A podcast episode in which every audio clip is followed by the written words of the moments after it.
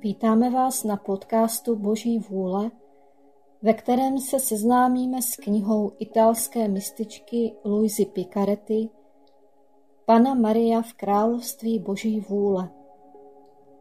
Nechme se uvést do království Boží vůle naší nebeskou matkou.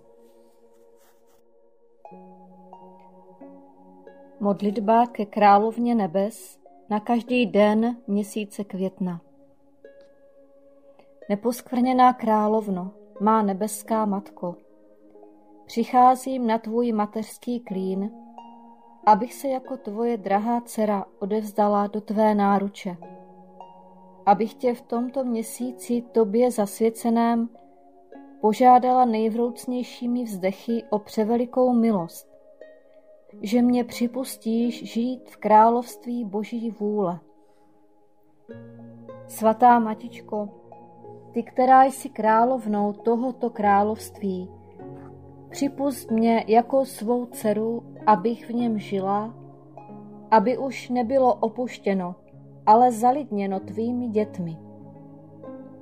Proto se svěřuji tobě, svrchovaná královno, aby zřídila mé kroky v království Boží vůle a svou mateřskou rukou, aby zvedla celé mé bytí, aby utvářelo trvalý život v Boží vůli. Budeš mi matičkou a jako své matičce ti odevzdám svou vůli, abys mi ji vyměnila za vůli Boží a tak si mohu být jistá, že z jejího království nevýjdu. Proto tě prosím, abys mě osvítila a dala mi porozumět, co znamená vůle Boží. Zdráva s Maria, milostí plná, Pán s tebou. Požehnaná ty mezi ženami a požehnaný plod života tvého Ježíš. Svatá Maria, Matko Boží, pros za nás hříšné, nyní i v hodinu smrti naší. Amen. Kvítek měsíce, ráno, v poledne a večer, to je třikrát denně, jdi na klín naší nebeské matičky a řekni jí. Matičko moje, miluji tě, a ty miluj mě, a dej mé duši doušek boží vůle. Dej mi své požehnání, abych mohla všechny své činnosti vykonávat pod tvým mateřským pohledem.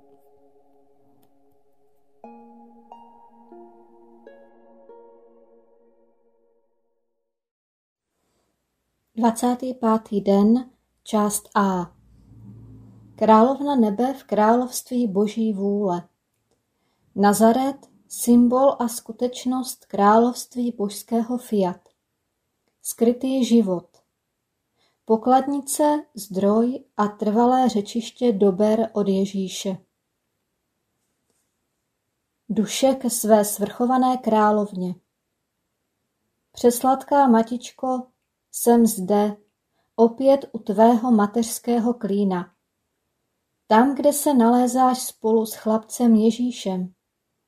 A ty ho laskáš a říkáš mu svůj příběh lásky a Ježíš ti říká svůj. Jak je krásné nalézt Ježíše a matičku, jak spolu navzájem rozmlouvají. A zápal jejich lásky je tak veliký, že jsou oněmělí a ve vytržení. Matka v synovi a syn v matce. Svatá matičko, nenechávej mě stranou, ale měj mě mezi sebou, abych naslouchala, o čem rozmlouváte, a naučila se vás milovat a stále konat nejsvětější vůli Boží. Poučení od královny nebe Nejdražší dcero, co jsem se na tebe načekala, abych pokračovala ve svém poučování o království, které ve mně stále více rozšiřovalo nejvyšší fiat. Je třeba, aby zvěděla, že nazarecký domek byl pro tvou matičku pro drahého a líbezného Ježíše a pro svatého Josefa rájem. Můj drahý syn, za věčné slovo, sám sobě měl vlastní mocí vůli Boží. A v onom malém lidství sídlila nesmírná moře světla, svatosti, radosti a nekonečné krásy. A já jsem Boží vůli vlastnila milostí a ačkoliv jsem nebyla schopna obejmout nezměrnost jako milovaný Ježíš, protože on byl Bůh a člověk a já jsem stále byla jeho ohraničeným stvořením, přitom všem mě božské fiat naplňovalo tolik, že ve mně utvářelo moře světla, svatosti, lásky, krásy a štěstí. A světlo a láska a všechno, co může vlastnit Boží vůle, která z nás vycházela, bylo tak veliké, že svatý Josef žil v jejím stínu a záplavě naším odleskem. Drahá dcero, v tomto nazareckém domku bylo království Boží vůle ve své plné síle. Každý náš malý úkon, to jest práce, zatápění nebo vaření, všechny byly oživovány nejvyšší vůlí a pevně utvářeny ve svatosti a čisté lásce. Proto se z našeho nejmenšího i největšího skutku řinuly radosti, štěstí a nesmírná blaženost. A my jsme byli tak zaplavováni, že jsme si připadali jako v průtrží nových radostí a nepopsatelných uspokojení. Má dcero, je třeba, aby zvěděla, že Boží vůle ve své přirozenosti vlastní zdroj všech radostí. A když vládne ve stvořené bytosti, která je jí milá, vkládá do každého jejího skutku nový a nepřetržitý úkon svých radostí a štěstí. O, jak jsme byli šťastní! Všechno bylo pokoj a nejvyšší sjednocení. A jeden se cítil poctěn, že poslouchá druhého. Také můj drahý syn se předháněl, protože ve svých drobných pracích chtěl dostávat příkazy ode mne a od drahého svatého Josefa. Jak bylo krásného vidět, když pomáhá svému pěstounovi při pracích v dílně, nebo jak jí.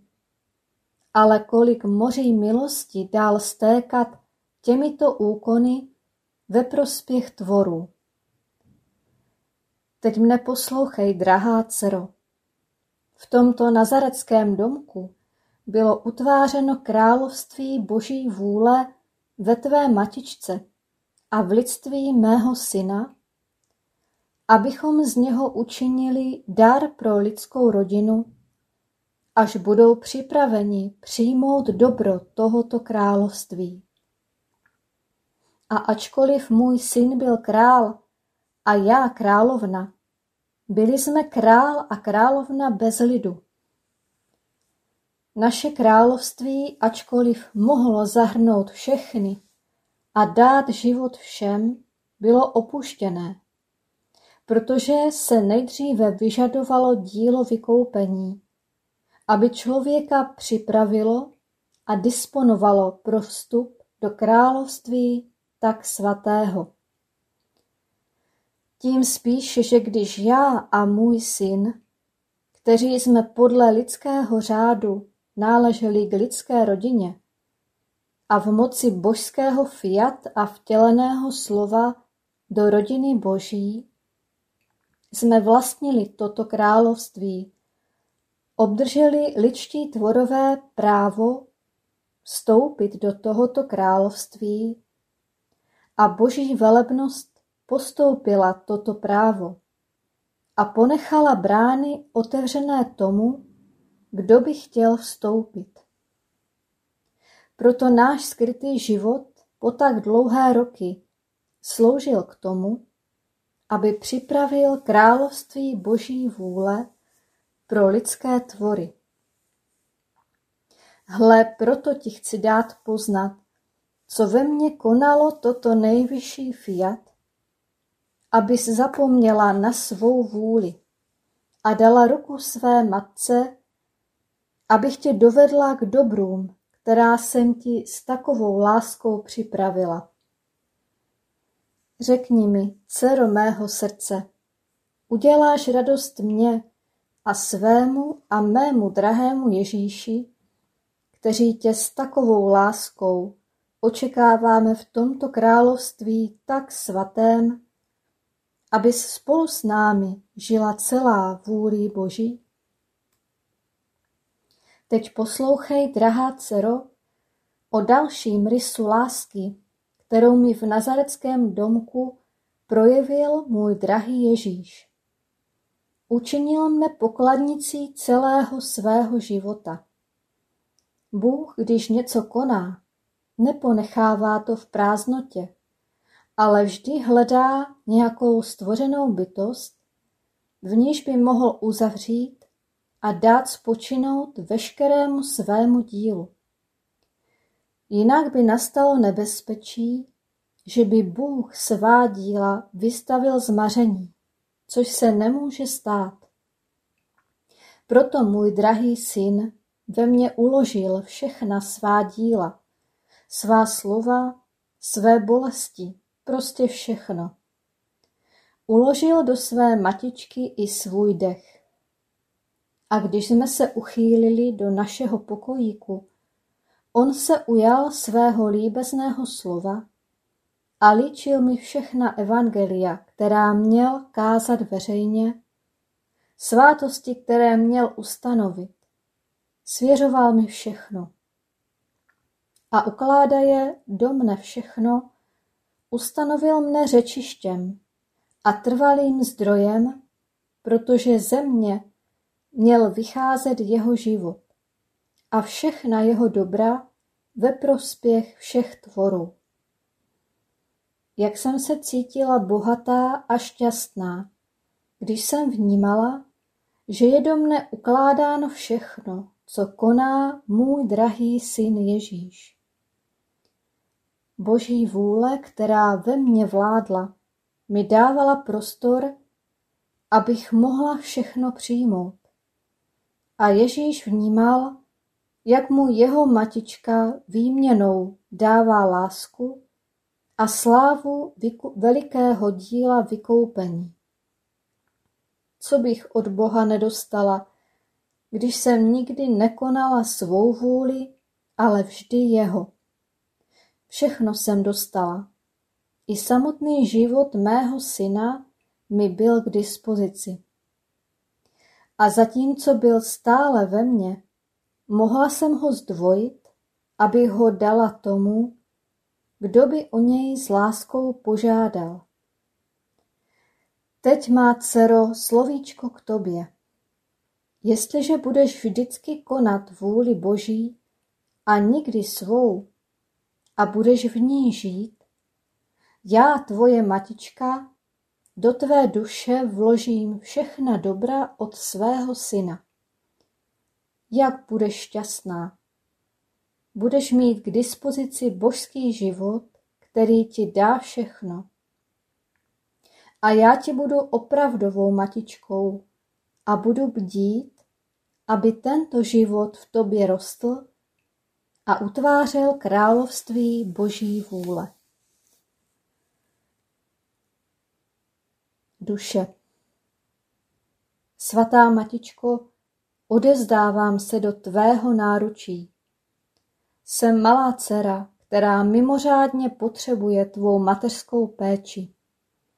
Ach, prosím tě, abys vzala tuto mou vůli, uzavřela ji ve svém srdci a už mi ji nikdy nevrátila, abych mohla být šťastná a stále žít vůlí Boží. Tak udělám radost tobě a svému drahému Ježíši. Kvítek oběti.